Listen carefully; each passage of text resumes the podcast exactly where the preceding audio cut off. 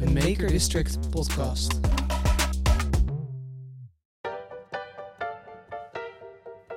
Hey, hallo. Oké, ik, ik ga nu, nu in een paar seconden ga ik beginnen. Dus dan, eh, ja. Welkom alweer bij een aflevering van eh, de Queer and Sober podcast. Mijn naam is Sander. Mijn naam is Jeroen. Mijn naam is Sjoerd.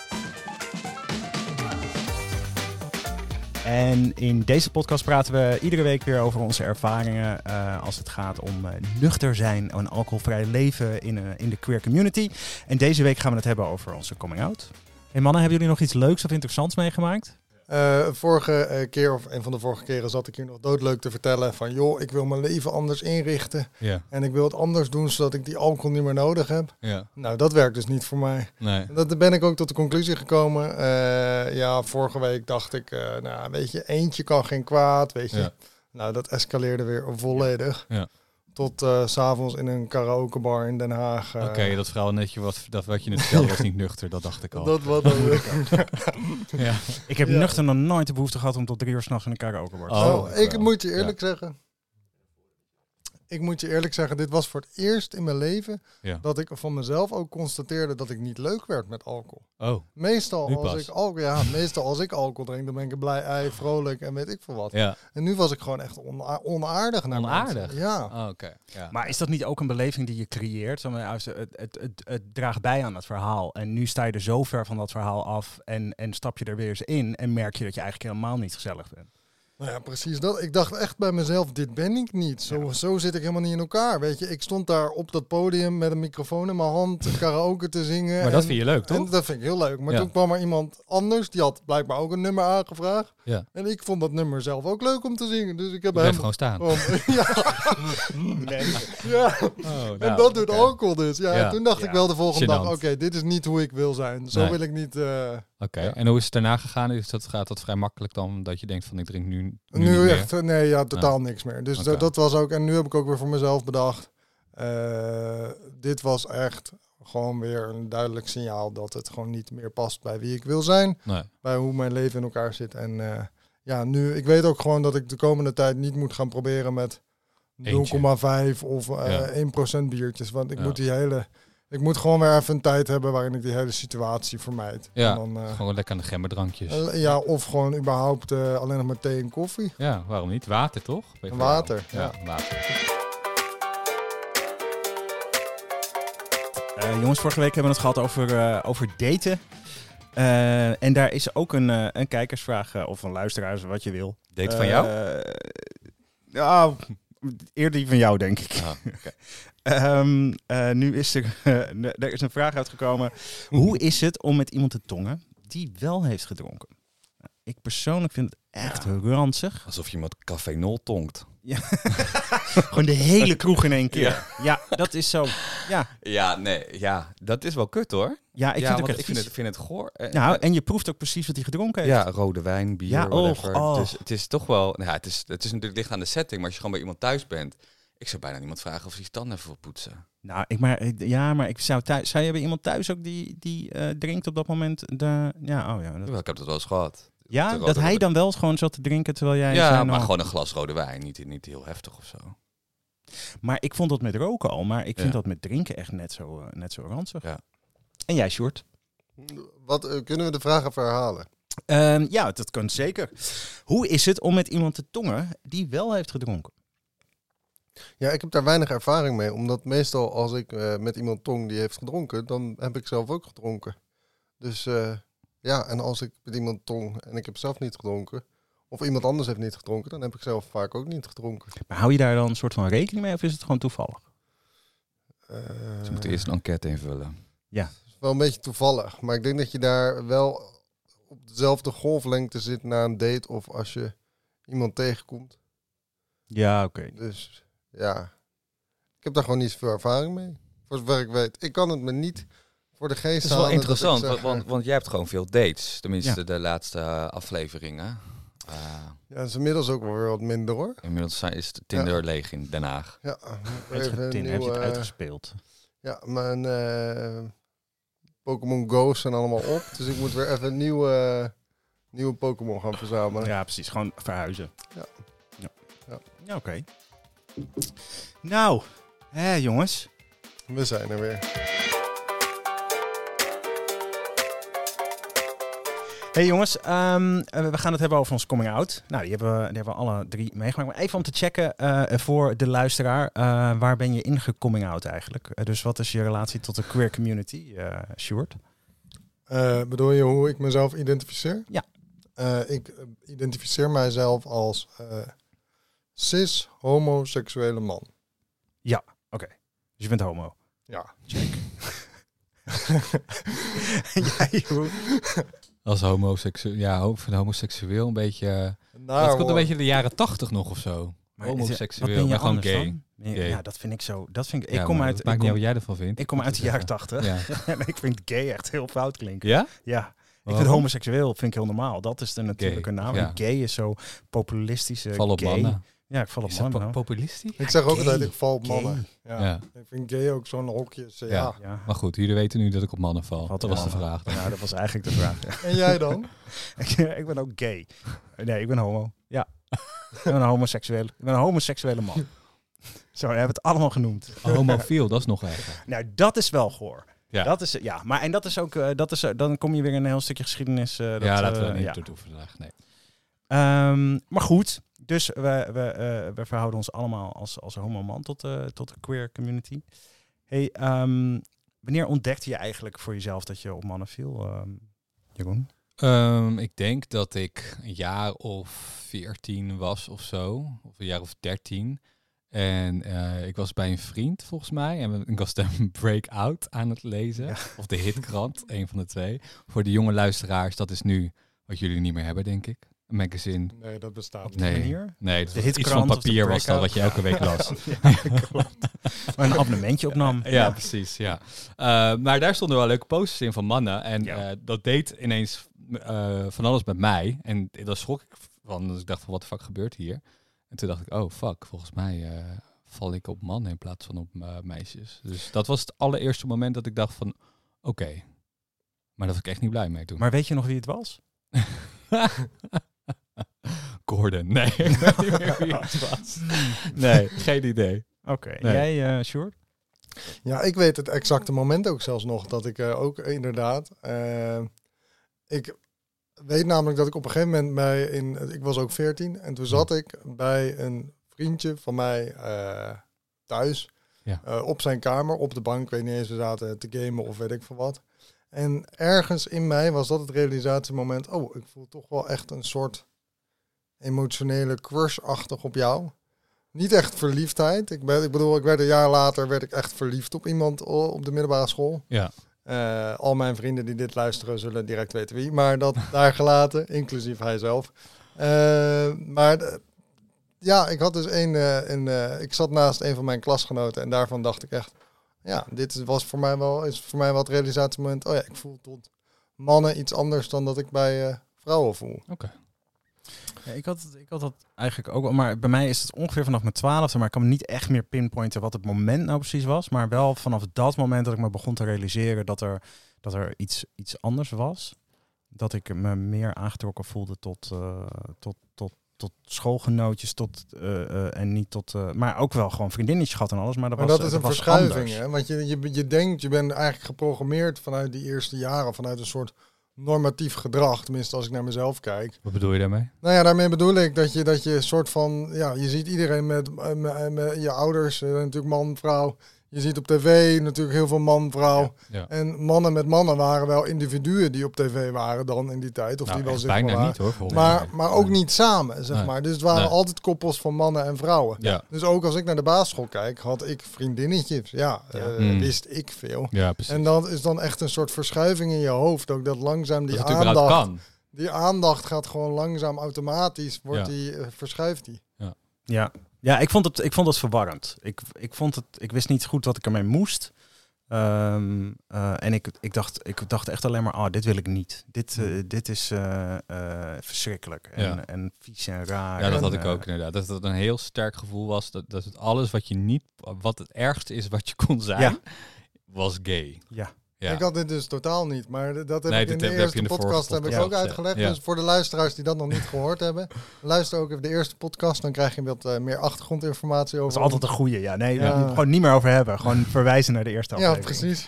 Eh, maar nee, dat had ik dus totaal niet. Dus voor mij was het echt iets waarvan ik dacht van ja, oké, dit is nou helemaal zo. En Ja. wel dat ik het natuurlijk die normatief, eh, zeg maar, ik voelde wel dat het niet helemaal normaal was. En er Ja. werd ook niet echt over gesproken, Ja. ook niet op mijn middelbare school echt. Mhm. Eh, er waren ook niemand was echt die ik kende openlijk eh, eh, queer, om het zo maar te zeggen. Mhm. Er was gewoon geen andere diversiteit in mijn eh, omgeving.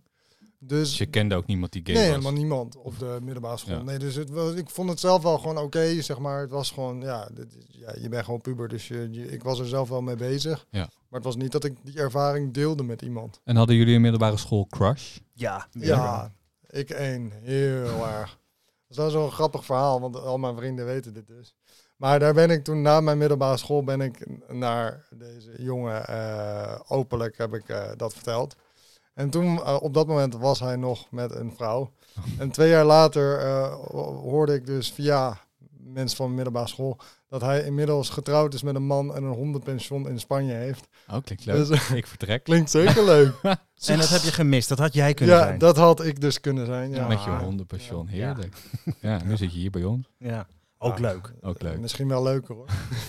Heb jij eh, eh, een crush gehad? eh? Ja, ook wel, ja. Inderdaad, eentje dan eh, die in de oudste, hoe noem je dat, in de zesde of zo zat. Ja. En, eh, maar gewoon nooit mee gepraat. Alleen dat je inderdaad met gym vooral dat die gast zag en dacht van Ja. tering, wat is dit, weet je wel. Gewoon, ja. En dan ben je ook puber, dus dan gaat natuurlijk die hormonen de hele dag en eh ellende. Daarover gesproken, hoe, hoe vonden jullie dat met gym? Ik vond het echt Oh, ik vond het heel God, verwarrend ook. Verschrikkelijk. Ja. Ja. vooral de kleedkamer. Weet je. Ja, je dacht gewoon dat eh, iedereen voelde dat je gay was. Ja. Dat sowieso. Dus je ging ook niet douchen. Of tenminste, ik ging op een gegeven moment ook gewoon niet meer douchen. Of als ze weg waren. Maar ons werd er Ja. dus überhaupt niet gedoucht. Door Nee? niemand. Nee. Eh, daar was het Oh. water op of zo. ja, ik weet niet, hele preutse school misschien, Ja. maar niemand douchte. Dus ik vond het daarom was het voor ons ook gewoon veel minder de kleedkamer. Ja, het boeide Ja. allemaal niet zo. Je hebt gewoon nul eh, kunnen shooten uit de podcast knippen met de ja eigenlijk wel. ja. En Bij ons was het, eh, bij ons ging je douchen, je ging niet niet douchen. Dat, was, dat Nee? deed je niet. Nee, Nee. Dat, dat- maar dat zijn wel, ja, dat klinkt echt als die oude, oude Oh, je ging niet douchen? Maar nee, je ging wel doen. Je ging niet Ja. niet douchen. Er Oh, was zo. geen sprake van dat je niet Ja. ging douchen. Je ging Ja. douchen. Want Nee, dat deed je, want het was vies om niet te gaan douchen. Ja. Ehm, en dat, eh, ja, nee, dat was zeker ongemakkelijk. Ja. En ik was ook niet goed in gym. Dus dat, ik dat hielp ook niet. Ik bedoel, ik heb nu halve marathons gelopen en zo. Maar toen, nou, Oh, nee. dat Ik was als jaloers op meisjes die Altijd dan als laatste werden ze- gekozen en zo. Echt Ja. ellende. Ja, dat was echt niet... Ik was echt asportief. En meisjes die dan, die dan konden zeggen dat ze ongesteld waren en niet mee hoesten doen. Ik was dat Ja. jaloers. Ik dacht, Ja. ik wil ook Jij- je ongesteld had het ook bij je, maar dat werkte niet. Nee, nee, niemand geloofde het. Nee, klopt. Maar ehm, eh, nee, ik heb ook wel mijn, eh, mijn, mijn crush gehad. En dat, ook dat vond ik, eh, dat waren, wel gewoon, dat waren wel gewoon vrienden. En dat ontstond dan gaandeweg of zo. Nou, dat werd het alleen maar ongemakkelijker. Ja. En Waren ze dan wel gay of niet? Nee, Nee, nee, vaak niet, helemaal niet. Ja. Nee. En, ehm, maar het ding is ook, het speelt heel erg in, in, het speelde heel erg in mijn eigen hoofd. En ik was alleen maar bezig met wat die ander wel of niet zou denken, of het zou zien, of ervan zou vinden, Ja. of eh, iets van mij zou vinden. Ja, dat, hè, alsof, als- Ja. alsof je gewoon... Alsof, alsof je op de vlucht bent voor de politie en iemand ontdekt dat je gezocht wordt of zo. Zo'n gevoel. Ja, klopt. Ja. ja. En dat is natuurlijk ook in de kleedkamer. Zo van als ik Ja. maar een seconde te lang kijk, dan denken ze vast als ik dat maar ik homo ben. genoeg als doe. ik ja, als ik maar niet kijk naar iemand. Ja, Klopt. precies. Ja. Leuk, fijn onderwerp heb je Ik gekozen. hou wijselijk mijn mond. Ja. Nee, ja, ik herken het natuurlijk ook wel. Alleen bij mij was dit wel echt meer naar de latere jaren van mijn middelbare schooltijd toe. Ja, ja, ja. Zeg maar in de begintijd eh, was het, ja, weet je, je bent allemaal nog heel erg zoekende. En, en ik had in dat opzicht best wel een fijne middelbare school. Ja. Eh, dus ja, en niemand douchte, dus iedereen stonk toch wel. Oké, ja. Hey, en eh, zijn, er, zijn er eigenlijk dingen die, je- als ik naar mezelf kijk, ik deed bijvoorbeeld bepaalde dingen niet om maar, niet, om maar te zorgen dat mensen niet zouden denken dat ik, dus ik at geen lollies bijvoorbeeld. Eh, eh, ik mocht Wat? ook, nee, ik at geen lollies. Dat was al te gay. Dat, nou, dan, dan, dan moest ik daar een lollies en ijsjes, daar moest je aan zuigen. Dus De dat deed ik lolly. niet. Ja, Ja. Dat, ja de, dat- straks zeggen ze dat ik heel goed kan zuigen. En dan, Bizar, dan hè? ben Dat ik, je dat in je hoofd helemaal zo denkt. klopt. Alsof iemand ermee bezig is hoe jij je Ja. lolly opeet. ja, of ABBA mocht ik ook niet naar luisteren. Ik Nee. vond ABBA fantastisch. Daar Ja. had je eigenlijk al kunnen, had ik zelf direct al kunnen weten dat Ja, ik ja, homo meteen was die natuurlijk. regenboogvlag uit kunnen hangen. Precies. Eh, maar nee, ik mocht daar niet naar luisteren van mezelf. Want, eh, want dan zouden mensen wel kunnen denken dat ik homo was. Oké. Dus de- toen ik eenmaal eruit was, dan heb ik alle cd's van ABBA gekocht. Want toen mocht het. Maar dit herken ik wel hoor, want tot mijn eh, coming out eh, wist ook niemand van mijn hele familie dat ik, eh, dat ik homo was. Ja. Maar als ik op terugkijk, denk ik echt, hoe kunnen jullie alle Ja. signalen gemist hebben? Ja, Ik bedoel, Cher en Abba stonden bij mij gewoon continu op Ja? repeat. Oh, nee, nee, nee. echt. Ik had het wel met kleding, dat ik heel lang roze sowieso vermeed. Dat, Ja. dat soort kleren, kleding, dat ik dat gewoon echt niet aandeed. Eh, maar dat denk ik vooral. Voor de rest eigenlijk niet heel veel dingen. Ik sloot me vooral heel erg af gewoon met mijn clubje. En voor de rest van de wereld boeide me gewoon niet tot de middelbare school. Ja, oké. ja. Hey, en ehm, eh, ja, op een gegeven moment komt er toch een manier, of een, eh, eh, de weg naar. Hoe, is dat, hoe is dat punt voor jou geweest? Dat je de wereld moest gaan vertellen of dat de wereld jou vertelde? Of hoe is dat gegaan voor jou? Dat, eh, dat klinkt heel filosofisch, de weg naar. En wegenaar, ja. De weg Ik denk naar. Songfestival, want eh, ja, je kan het Ja. alle, alles in kan je invullen nu. Dat is waar. de weg naar je De coming out. verlichting. Nee, je coming out zelf. Hoe, hoe Nee, ja, je- mijn coming out zelf. Ja, nee, ik, eh, ik heb het voor het eerst verteld. Eh, ik had, op een gegeven moment was er een meisje op mijn middelbare school en zij had een vriendinnetje op een andere middelbare school. En zij, ik volgens mij zat ze niet eens meer in mijn klas, maar ze was wel ooit een klasgenoot van mij. En volgens mij heb ik via MSN toen haar verteld dat ik misschien ook wel op mannen viel. Zij was de eerste. En de tweede was eh, een van mijn goede vrienden, die nog steeds mijn beste vriend is. Eh, toen goede vrienden. Eh, maar dat was echt dronken, volledig in, in, ja, volledig in een andere wereld. eh, emoties all over the place. En vanaf dat moment heb ik eigenlijk bijna iedereen in mijn omgeving, op mijn familie na. Maar al mijn vrienden eh, heb ik het in eh, dronken toestand verteld. Maar was je kater dan niet dubbel zo erg? Want dat je dus in een, ik, ik, ik heb dronken dingen gedaan die ik dan vervolgens de volgende ochtend dacht, man, eh, nou als je dan ook nog eens je coming out iedere keer dronken hebt en niet nuchter. Ja, weet ik niet. Kijk, wat het heel erg was, eh, ik heb toen destijds, poeh, al lang geleden allemaal, maar eh, ja, nee, ik, had, ik, ik studeerde in Utrecht toen ik pas echt eh, met mijn coming out begon, zeg maar. Oh, dat is best wel laat. Ja, dat, Ja. dat is ook best wel laat. Ik had, ja. ik, ik, was, ik had gewoon niet het idee dat ik dat wilde eerder. En ik Ja. was gewoon, toen ik in Utrecht woonde, wist ik, oké, nu ben ik ver genoeg van alles van thuis vandaan om rustig dat echt een plek te gaan geven. Mhm. Eh, dus ik begon met middelbare schoolvrienden en die vonden het allemaal helemaal prima, dikke chill. Eh, en dat was dus echt, dus toen ik dat eenmaal in dronken toestand had verteld, wist ik van oké, nou dat is een soort safe basis. Ja. Toen werden het mijn studentenvrienden in Utrecht, want ik had inmiddels een heel leven in Utrecht. Ja. Daar zaten sommige momenten ook echt wel moeilijk bij. Ik had bijvoorbeeld een, eh, ik zat toen op roeien. Eh studentenroeivereniging, ja, en dan douche je wel samen en zit je met elkaar in een boot, een, een ploeg. Ja. Eh, en die heb ik dus ook in een dronken toestand verteld. Maar ik was toen een van de weinige mensen die nog geen WhatsApp had. Voor de eh, jonge luisteraars onder ons. Die tijd was Er er. is een tijd geweest. Wat dat- hadden we toen dan eigenlijk? ja, niks. Je kon Niks. gewoon M- eh, SMS. sms'en. Ja, sms. SMS. En bellen en Ja. sms. Ah, ja. En de, de rest van mijn eh, eh, roeiploeg had een WhatsApp-groep. En ik Oei. wist dus niet wat zij daarin onderling allemaal bespraken. En ik had het er één verteld, dronken. Ja. Eh, en toen een tweede dronken op diezelfde avond. En vervolgens was er een soort radiostilte. Want niemand communiceerde met mij. Maar ondertussen kreeg ik wel van iedereen signalen van... ja, inmiddels weet iedereen het en eh, het is openlijk besproken. Maar ik wist dus helemaal niet hoe dat eh, viel. En toen uiteindelijk een week later heb je dan weer training. Lege roeien. boot. Nee, een volledig volle boot. Ja, prima. Het is geen issue, dus eh, Oh, we hoeven het er Ja, niet over te fijn, hebben. ja. Ja. Maar goed, dat was dus wel een week waarin ik volledig Ja. in een soort Ja, stressmodus... ja, ja, ja, ja, ja, elke, ja. elke dag weer in de, in de kroeg stond mezelf eh, vol te zuipen. En eh, ja, dat was wel eh, stress. En daarna kwam mijn familie pas. Oké. En Die- voor jullie dan? Nou, ik, dat je dat dan zo zegt, is zo'n hele week in spanning en dat je, eh, ik, weet je, kan me daar echt in, in inleven in, of in ieder geval, ik bedenk me dan die gedachte dat je denkt dat iedereen je uit zal kotsen, niemand ja, meer met je wil je praten. denkt gewoon dat vooral, je, je wereld gaat Ja, instorten. ja, ik kan wel stoppen met iedereen, alles nu. Iedereen die je kende, al het vertrouwde leven wat je had, gaat bij je, voor Ja. je op, wegvallen. Want dat is de, het, het beeld wat je in je hoofd hebt geprent. Ja, Dat gewoon zodra je dat laat zien, dat de hele buitenwereld, dat je, dat je echt alleen komt te staan. Daar bereid je je echt Ja, op precies. voor. Dat denk je echt, Ja. hè? Je denkt Ja. echt dat je gewoon verstoten wordt door Ja. de hele wereld. maar het is, ik- het is ook een soort van de enige, in mijn hoofd was het ook de enige logische reactie. Dat Ja. mensen me allemaal zouden laten vallen, want Ja. ja, ja dat moet je toch niet willen. eh, Nee. ehm. Dus ja, ik, en ik kan me zo'n week voorstellen dat je dat, ik weet niet, dat, dat moet hel zijn. eh, ehm, en dan helpt alcohol goed. Dan helpt alcohol heel goed. Ja. Om Hey, te eh, verdrukken, hè? Om te ja, verdrukken. ja, niet, Om te om, verdrukken, of niet om ga- gay te zijn. niet om gelukkig te worden, het beter te maken, oplossingen te zoeken, et cetera. Maar wordt zo om, eh, lekker gay als je dronken bent. Ja. om weg te lopen voor al je problemen. Ja. Daar, eh, ja. Klopt. Jij, eh, Ja, ehm, ik weet nog wel dat ik nog in de kast zat en eh, er bijna uitging. En dat was de eerste keer Lowlands ging ik. Ik eh, kom natuurlijk uit Harderwijk. Ja. En eh, nou ja, als je een beetje van goede muziek houdt, dan ga je naar Lowlands. Want dat is eh 10 kilometer verderop of zo. Maar toen was ik wel al gewoon heel erg bewust van het feit dat ik op mannen viel. En het is daar 30, was, was 30 graden en ik liep daar zonder shirt. Het was voor mij echt een soort walhalla mm, ook nog een beetje allemaal mijn types, weet je wel, met half lang haar. En eh, dat vond ik helemaal geweldig. Maar toen had ik ook nog een meisje de hele tijd achter me aan. Dat was zo irritant. Die bleef gewoon dat hele weekend achter mij aan. En toen op een gegeven moment liep ze ook terug met mij naar mijn tent. En toen, ja, to- toen dacht ze van, nou, nu gaat er wat gebeuren. En toen heb ik gewoon gezegd, ja, fijne avond, doei.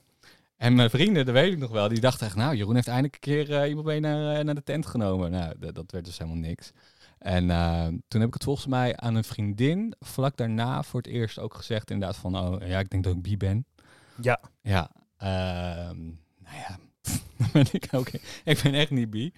Eh 100% homo, denk ik. Nou, misschien 99.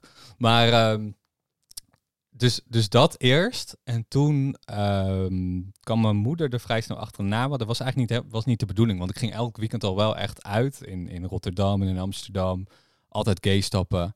En ehm, nou ja, ik had ook al wel wat, eh, wat, wat dates en weet ik wat allemaal. Dus het was Valentijnsdag geweest. ja. En ik had twee kaarten gehad van twee, van twee jongens.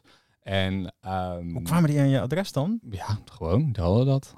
Dat gaf je dan. Ja, ik weet het ook niet. Ze stonden in ieder geval Toen, toen, toen begon, bestond er nog geen AVG privacywet. Nee, ik stuur Jeroen maar gewoon een kaart. Maar ja, die had ik natuurlijk dus diep in de krochten van mijn kamer ergens verstopt. Dus ik kwam weer terug van zo'n weekend. Mijn moeder dacht toen altijd dat ik een weekendje was bij een vriendinnetje in Nunspeet, dorp verderop. Nou, ik was gewoon nou, met Jan allemaal een tong in Amsterdam. maar, ehm, dus ik kom terug naar zo'n weekend en ik zie die kaart echt prominent, of twee, twee kaarten prominent op mijn eh, bureau staan. Gewoon open. En ik dacht, nou, die weten het. Dus nou, ik dacht, oh jezus. Dus ja, ik ben helemaal, helemaal kut natuurlijk. Dus ik loop naar beneden. Ik dacht, ja, nou, nou komt er wel wat. Nu gaan ze wel zeggen van, hé, hey, we zijn die kaart of zo. Mijn moeder is een schat, maar ik denk ook een beetje die- ja, het is toch gewoon van een vriend, zegt ze. Ik dacht, ja, jezus, dan moet ik het alsnog gaan vertellen. dus ik dacht, ja, nu vertel ik het maar gewoon. En ehm, nou ja, op, op zich wel gewoon goed gereageerd, mijn familie. Dus er is niet heel... eh, mijn opa vond het wel heel heftig iets later. Ja. Die, die zei eigenlijk, kom maar even twee weken niet. Oh, wow. Dat is wel heftig. Ja, Ja. eh, nou ja, het, die Lea heeft inmiddels niet meer, maar die, de laatste, het laatste jaar dat ik nog leefde, zei, vroeg hij wel de hele tijd waar, waar, eh, waar mijn vriend bleef. Ja, dat vraag ik mezelf ook nog steeds af. maar, Dat is wel weer eh, lief. Ja, dat was het, of dus dat is allemaal, allemaal prima, prima gekomen. Maar, ehm, maar die coming out zelf, ja, dat was... ehm viel eigenlijk wel mee. En ik had wel echt een fijne vriendengroep. Of tenminste, redelijk fijne vriendengroep die allemaal wat alternatiever waren. En waar dat toch ook wat meer in geaccepteerd werd. Eh, al kan ik me ook wel iemand uit die groep herinneren die zei op een gegeven moment van... Ja, als ik alleen met jou in een restaurant zit, dan denk, eh, ben ik bang dat mensen ook denken dat ik gay ben. Als ik dat, Ja. dat nu terug denk ik van wow, gelukkig is die geen, had geen vriend meer van me. Maar, dus dat was ja, ook hoe dingen die je dan gewoon pikte of zo. Ja. Nu zou ik je echt eh, waarschijnlijk voor je bek slaan. Ja, nee, Nou ik ja, zou het nog steeds wel logisch vinden. Zoiets hebben van, wat de fuck zeg jij nou? Nou, ik Ja, vind, maar- het, de, de- ik Ja. vind dat wel, is dat die aanname dat... eh, is ook een eh, hele de- gekke aanname. Ja. Ehm, Ja. eh, maar aan de andere kant denk ik ook, ja, ik snap wel. Het is als jouw belevingswereld niet is, ja, dan begrijp ik dat je dat soort dingen denkt. Maar Ja. de wereld is ook veranderd, hè, jongens. Dat moeten we even niet vergeten. Ja, dit Maar is 20 het jaar geleden. Ik bedoel, Ja. er zijn Nou, zo, zoveel 10. meer zichtbaarheid op Netflix. en ja maar dat, dat is natuurlijk nu ook zo. Het is wel Dus echt het is al heel anders. het is anders. Maar hoe was Ja. dat voor jou dan, Sander? Voor mij was het, eh, ik, ik, ik heb vanaf mijn twaalfste heb ik, heb ik best wel als naar ervaren. Heel depressief geweest en, eh, en ook best wel, best wel suicidaal geweest. En ehm, eh, dat ik, eh, de, hè, dat ik heb, ik heb, ik heb, eh, I tried to pray the gay away. Eh, niet gelukt, zoals je merkt. Uiteindelijk ehm, heeft mijn moeder, die op mijn zestiende begon ze, toen ik een keer thuis kwam, van ja, volgens mij moeten wij een keer praten. En, en die heeft eigenlijk een uur lang op me ingepraat. En toen was ik ook biseksueel. Nou, dat, dat heeft ook niet lang geduurd. Ehm, ik snap wel dat biseksuelen er last van hebben. Dat, want ja, ik wou net zeggen, want we moeten nou niet doen alsof we Nee. biseksueel iets... eh, Voor mij was het waarom ik, waarom, wat ik makkelijker vond dan biseksueel. Dan had ik nog maar één been over de drempel gezet. En de andere been was nog in de normale wereld, zoals ik dat voelde. Maar voor mij was het, ik, ik kan me nog die, die volgende dag herinneren dat ik, eh, dat ik eh, de trap afging. Ik dacht dat de wereld anders op mij zou reageren, nu dat het in die open was. Eh, Ja. en ik had, Ja, maar je denkt waarschijnlijk ook direct dat iedereen het weet. Dus ik als moet zo je- trouwens je- nog wel even iets vertellen over een tante, maar maak jij eens je verhaal af. Ehm, nou, die tante, die ben benieuwd. Ehm, nee, en ik, ik kan me nog herinneren, dat was het eerste jaar Gay Pride. En, en, en de Telegraaf die lag eh, eh, eh, in, op, op, de, op de eettafel. En daar was de foto van de man in een roze string met een roze parasol. En ik was ervan overtuigd dat ik zo zou gaan worden op het moment dat ik toe zou geven aan mijn homoseksualiteit. Dus zolang ik... Ja, maar eh, eh, zolang ik eh, eh, me niet toe zou geven aan... of dan nog dat stapje van biseksueel met me eens... dan kon ik nog... eh, eh, maar ik dacht, dat, ik dacht dat de hele wereld eh, anders zou zijn op het moment dat ik eh, eh, de trap afliep. En dat was niet zo. En dat was ook raar of zo. Dat was ook een soort van, oh, oh, niet. Of Maar, maar was je nog depressief daarna ook dat je eh, uit de kast bent gekomen? Of was het echt toen je in de kast zat? nee, ook, ook ik, ik, ik ben redelijk een depressief persoon. Nee hoor, maar eh, eh, nee, dat, het heeft wel echt opgelucht. En daarna begon er wel een hele andere ontdekkingsreis of zo. Ja. Eh. Ehm, nou, nu dat dan eenmaal op tafel ligt. ehm, ehm, maar bijvoorbeeld heel mijn, mijn broer die, die, die schot me altijd uit voor mietje en dat soort dingen. Dus ik dacht, ja, maar mijn broer die mag het niet weten, want die is er vast heel erg tegen. Nou, ik ben eh, eh, zo vals als ik ben. Eh, uiteindelijk heeft hij dus helemaal zijn excuses gemaakt. Omdat hij zei, ja, als ik dat had geweten, had ik nooit zulke woorden. Nou, het is mooi dat je zo lullig voelt. Ja, Eh, Voel je eh, me door. Ja, precies. wel fijn dat nou ja, zeker. Ja. Ja. Dus, Maar eh, ik had dit ook een beetje met mijn broer. En daarna wil ik over je tante. Maar ik had dit ook een beetje met mijn broer. Kijk, ik had ook een beetje de illusie. Eh, mijn ouders zijn gescheiden, dus de gezinssituatie was sowieso wat gecompliceerder. Ja. En eh, ja, daar heer- hing toch een soort van dynamiek in ons gezin van je moet echt voor jezelf opkomen en je Ja. moet het zelf redden. Ja. En ik had dus ook echt het idee dat mijn, ik had echt het idee dat mijn broer heel eh er echt een big deal van zou maken vanuit onze, eh, nou ja, de manier waarop we zijn opgegroeid. En toen ik het uiteindelijk vertelde, toen zei hij, oh, oké. Ja. En heb je dan een vriendje? En ik zo, eh, nee.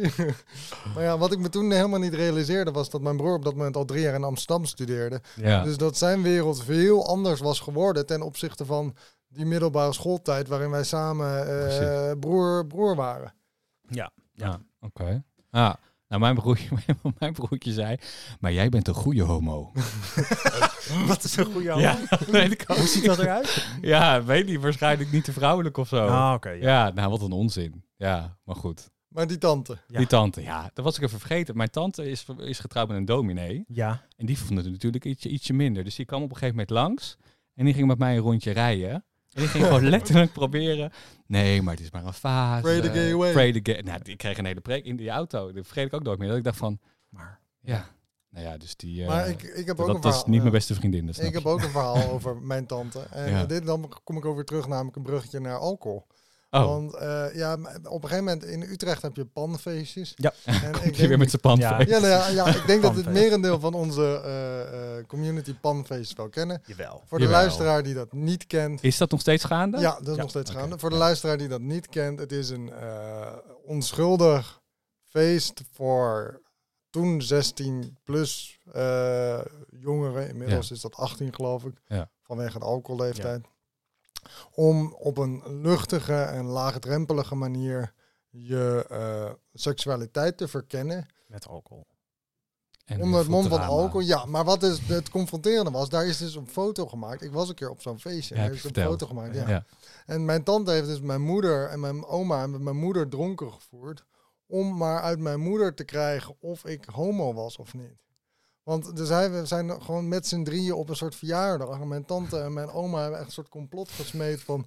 Ja, maar we moeten toch ergens op een manier achterkomen. Dus als we nou eh, moeders dronken voeren, dan kunnen we, dit, dan kunnen we het haar vragen. en dat is toch... eh, Ja. Mooi. Hebben jullie wel eens een negatieve reactie gehad? Oh, het- gewoon na, oké, tuurlijk, eh, je opa. Wat me overigens heel vervelend lijkt, want die twee weken lijkt me geen fijne twee weken.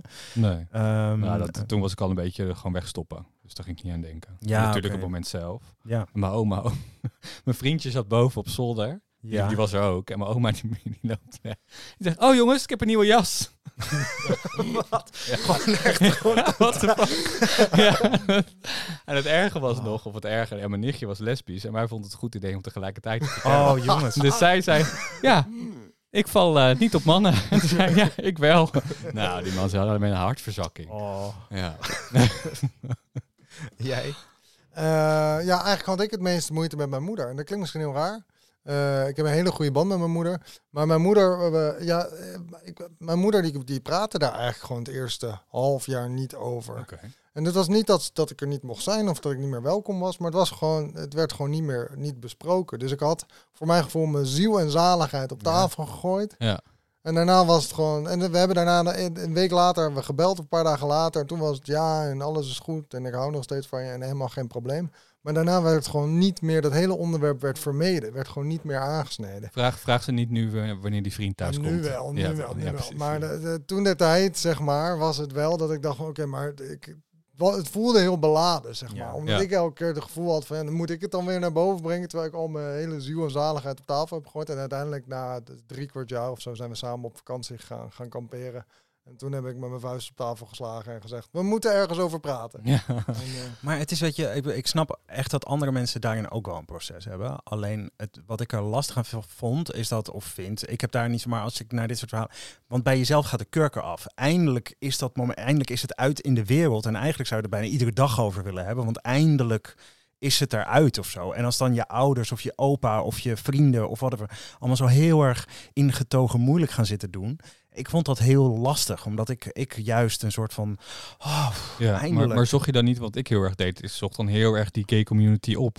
Ik ging heel ja, maar ik vond, eh, stappen. dat vond ik ook nog een hele Ja, enge... enge dat is toch weer een hele andere eh, aflevering. ja, maar, maar had jij nare reacties? Had jij... Nee, ik denk dat ik... eh, eh, en dat, ik vind dat nu achteraf ook wel een soort van... ehm, eh, nasty, maar nee, want je zag het niet aan me. Dus, eh, dus ik was ook de goede, de goede homo. Ja, wat een bullshit. Eh, de, en dan is het. Maar ik, ik, geloof, ik, heb, ik denk wel op het moment dat het minder duidelijk is dat je veel meer. Want mensen zijn meer een soort van verbaasd. Dus van, oh, nou had ik nooit echt. Het is toch wat leuk, weet je wel. Ja. Terwijl. dat is eh, zo'n gekke, zo'n ja. gekke opmerking. Ja, Ja, wat Ja, verwacht maar- je dan? Dat, maar- maar- dat ik een soort van speltop heb met homo. ja dat je dan kan eh, zien. precies. Of dat het op mijn voorhoofd staat. Ja. Of dat ik eh, opeens heel Maar hard ik begin denk te ook gillen. wel dat als je dus niet aan, aan iemand ziet, dat- dat hebben wij alle drie wel een beetje, dat je, dat je het niet echt ziet, dat je misschien ook wel meer in je hoofd het gevoel hebt dat de hele wereld in, in gaat storten als je dus uit de kast komt. Want als je natuurlijk al allemaal mensen eh, zeg maar het gevoel hebben van ja, dan heb je al, kun je al wel een beetje peilen misschien, ik Ja. weet het niet hoor, misschien... eh, Ja, is omdat sommige mensen dan zeggen, als stel dat je wat Ja. vrouwelijker zou zijn, van oh, nou ja, dat, dat Ja, weten we al. Dat een wisten we al, ver- hadden Ja, we al wat- van wat natuurlijk moeder. ook raar is. Wat natuurlijk ook heel raar is. ja. Maar hebben jullie, want ik heb, en dat heb ik nu een stuk minder, of het interesseert me niet meer zoveel, maar ik heb op een gegeven moment, is er ook echt een periode geweest dat ik, dat ik eigenlijk het gevoel had dat ik bijna iedere dag iets van een coming-out had. Want er was altijd wel weer een collega, of er was altijd Oh, weer een ja. moment, Ja. of er was Oh, altijd wel weer een, Iets, ja. sport, en dat je, de- Ja. oh, maar ik zie het helemaal niet aan. Ja, nou en? Ja. Of zo, ja, pff, eh, eh, maar Ja. dat het iedere keer weer zo'n zo'n coming-out momentje is. Ja, zeker. Iedere nieuwe baan. En het is niet dat ja. je... ik heb dat nu gelukkig van- niet meer, maar dat duurde Nee. echt wel. Ik weet nog wel dat het eh, was. Ik ging liep. eh, ik heb heel kort stage gelopen bij COP tijdens mijn Ja. studie. En eh, toen zei ik het ook aan de lunchtafel. En toen reageerde er niemand. Toen dacht oh, dit is chill. Ja. Geen vragen. Yes. Oké. Ja, ja, en weer door met de dag. Ik dacht, hè, hè. Ah, ja, dus, dus, dus, eh, daarom vind ik Amsterdam alleen al een hele fijne Ja. plek. Klopt. Eh, Ik had het bij mijn vorige werk dus wel. Dat, Ja. dat ik het ook echt het gevoel had van ik moet het nu iedereen individueel nog weer langs Ja? gaan om te vertellen. Oké. En nu bij mijn huidige werk, eh, niemand maakt zich er druk om. En Nee. iedereen, ik ben zelf ook heel open. Dus Ja. ik kom dan Ja. bij mijn collega's binnen en vertel over alle dates die ik de afgelopen week heb gehad. Ja. En, Oh, dat doe Dat doe je bij iedereen, dus niet alleen bij ons. En ik voelde me nog wel speciaal, Ja. maar nee dus. Nou ja, dus, eh, Ja. dus in dat opzicht, eh, en dan is het al vrij snel duidelijk. Ik maak er geen ding meer van. Het boeit me echt nee, niet meer. Het boeit me ook echt niet meer wat andere mensen daarvan gaan vinden. Maar het grappige is dat de andere mensen boeit het ook niet zoveel meer. Het is wel echt een verschil met toen ik 18 was en nu. En Ehm, denk je dat het leeftijd is? Dat je, omdat je ouder wordt? Nee, ik denk, ik denk echt wel dat er veel veranderd is. Kijk, ik bedoel, eh, toen ik 18 was en uitging, ik, ik, eh, ehm, ehm, ik, ik, ik had het gevoel dat ik niet te lang naar een hetero moest staan, omdat ik er stom voor mijn bek. En nu eh flirt die hetero terug. Eh, dat was toen echt niet zo. Dus ik denk dat er daarin wel echt heel veel, heel veel veranderd is. Mooi. Ja. Ja. En gaat deze trend doorzetten? Dat iedereen straks homo is. Nou ja, dat, laten we het hopen. Maar, Ik ben heel vermoeiend. Dat denk ik wel. Ik denk dat dat Hoeveel dates heb jij dan per week? oh, dat is jouw doel. Je bent gewoon iedereen aan het homo daten. nee, nee, nee, nee. Oh. nee. Nee, eh, maar eh, ja, nee, ik denk dus, ik denk dat het, dat het wel makkelijker opener wordt. Dat het minder rigide is, minder strak van je het bent of het een of het ander. Ik ja, denk dat het- sowieso. Is dat het meer, zie je het is wel al meer gebeuren, fluide. hè? Ik Ja, bedoel, tuurlijk. Ja. Ik denk dat je het idealiter niet meer over hoeft te hebben. Ik denk dat het idealiter gewoon niet meer uitmaakt. Dat, je, dat het daar niet meer over hoeft te gaan. Dat je daar geen woorden meer aan vuil hoeft te maken. Dat dingen gewoon zijn zoals ze zijn. Maar zo is het nog niet, eh, toch? Nee, dat denk ik ook niet. Maar ik, ik hoop wel dat dat iets is waar het naartoe gaat. Dat zou mooi zijn om gewoon niet te vertellen. Ja, en dat je ja. dan in een, kroeg, in een kroeg of in een koffiebar staat en dat je dan gewoon kan zeggen, ja, ik voel me niet tot jou als persoon. Aangetrokken. Ja. En dat kan dan een man, vrouw, eh, non-binair, hoe Ja. je identificeert. Nou, nou Ja. is het maar zo dat, dat je van huis uit niet het gevoel krijgt dat je thuis moet komen met een vriendin of vriend. Maar dat je dus gewoon thuis kan komen met en dat je ouders denken, oh, nou oké. Ja. Eh, ik moet eh, je wel heel eerlijk zeggen dat ik ook wel momenten heb gehad dat ik in een, in, in een, eh, in een eh, plek stond. En dat ik versierd werd door een vrouw of een Oh ja, meisje. zat. En dat het dan ook wel heel makkelijk kan zijn om te zeggen, ja, sorry, ik ben homo. Ja, gewoon als excuus. Ja. Zo, daar ben ik er vanaf. dat heb ik ook wel eens ja, gehad. ja, en dan, dat en dan ik fietste ik weg met een eh, meisje achterop. En die, die, dat meisje kwam gewoon woedend achter me aan. Hey, je hebt gelogen, dit en dat. Helemaal lam natuurlijk. Ik dacht, ja, nou, sorry hoor, helemaal geen. Oh nee, maar ik vond, het, ik vond het super ongemakkelijk op het moment dat vrouwen Ja, zo. heel. Heel En gewoon omdat ik er niks mee kon. Ja, Ik- ik- precies. ja, je weet niet wat je moet zo, doen. maar ja, ik, thanks, eh, thanks voor het compliment. Maar en dan was het gewoon, ik ben homo, was het in ieder geval in één keer klaar. Dan was Ja. het in één keer afgelopen. Dan was het, eh, oh, en, en zouden jullie liever hetero zijn? Eh, ik, nu, nu niet meer. Nee. Ik denk dat er echt wel een moment is geweest dat ik dat wel had gewild. Eh, maar redelijk snel na mijn coming out en dat ik in contact kwam met de, met de, met de, met de gay community. Ja. ehm, was er wel snel dat ik dacht, nou nee, ik- weet je, het heeft me ook gemaakt tot wie ik ben. Ja, precies. Sure. Ja, precies hetzelfde. Het heeft me Ja. echt heel veel geleerd. Ook over de manier waarop ik in het leven wil staan. Veel positiever, veel liefhebbender naar andere mensen. Eh, ik bedoel, als je vergelijkt hoe de sfeer is in een hetero-bar ten opzichte van een eh queer bar. Ja. Nou, dat is niet te vergelijken. Nee, de, het soort haantjes, masculinity, eh, Ja. agressiesfeer die in een hetero... Klopt, dat, dat Ja. voel je ook gewoon. je Ja, voelt klopt. de druk, de Ja. nijd, het, het, het, Ja. het, het- het bloed uit elkaar, Al die wegkrijgen, al die ego's. Vervolgens Dus- loop je naar een homobar en dan voel je alleen maar valsheid. En, eh, eh, nee. Dat, maar- dat valt wel mee. Eh, nee, maar dat nee, maar ja, maar, maar ergens wel, maar eh, nee. Een klein beetje. Stiekem. Een klein Ah, beetje, anders, anders. nee, klopt. Eh, maar nee, dus ja, nee, ik zou het echt niet meer anders willen. Ik ben, eh, ik ben heel gelukkig met wie ik nu ben en het heeft me heel veel geleerd. Ja, En jij, Jeroen? Same. Ja, nee, ik heb dat, eh, ik heb dat wel eens gelezen inderdaad van, interv- van interviews en dat mensen dat zeggen van ik zou liever hetero zijn. Maar nee, Heb waarom? ik wel lang gehad hoor. Ja, ik denk ook dat ik echt geen leuke hetero was. Nee, ik ook. Nee, Hoe zou dat eruit zien? ja, geen idee. Maar geen leuke man.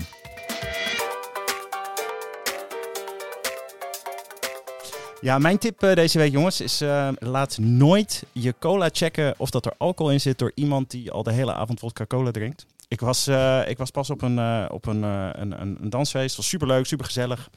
En iemand die bood me een drankje aan, maar wist niet zeker of dat er cola in zat. Dus ik ruik, ik ruik niks. En die andere persoon die zei, nee, er zit niks in. Dus ik neem een goede teug. Daar bleek vodka in te zitten. Oeps. Nou, één goede les daarin is dat ik erachter kwam dat ik echt niks aan vind. Ik vind het echt goor ook. Ja. Dus dat scheelt. Maar Ja. ik dacht wel, oké, dit is echt, dit is zo zinloos en dit had ik gewoon kunnen bedenken. Ja. Maar goed, valt allemaal mee. En na vijf jaar maakt het eigenlijk ook niet zoveel meer uit. Dus dat, eh, dat was oké. Dus in dat opzicht een goede les. En Ja, leuk Maar om ik te zien neem, dat ik neem aan dat je het niet op hebt gedronken. Nee, ik heb hem wel gelijk teruggegeven. Ja, ja, de slok had ik Hij heeft wel genomen. opgedronken en Ja. toen een tien toen rum cola eraf gedaan. En toen dacht ik, nee, het is het toch niet. Ja, ja. nee hoor, nee. Nou jongens, bedankt eh, voor, je, voor je verhaal. Ja. En eh, voor je openheid.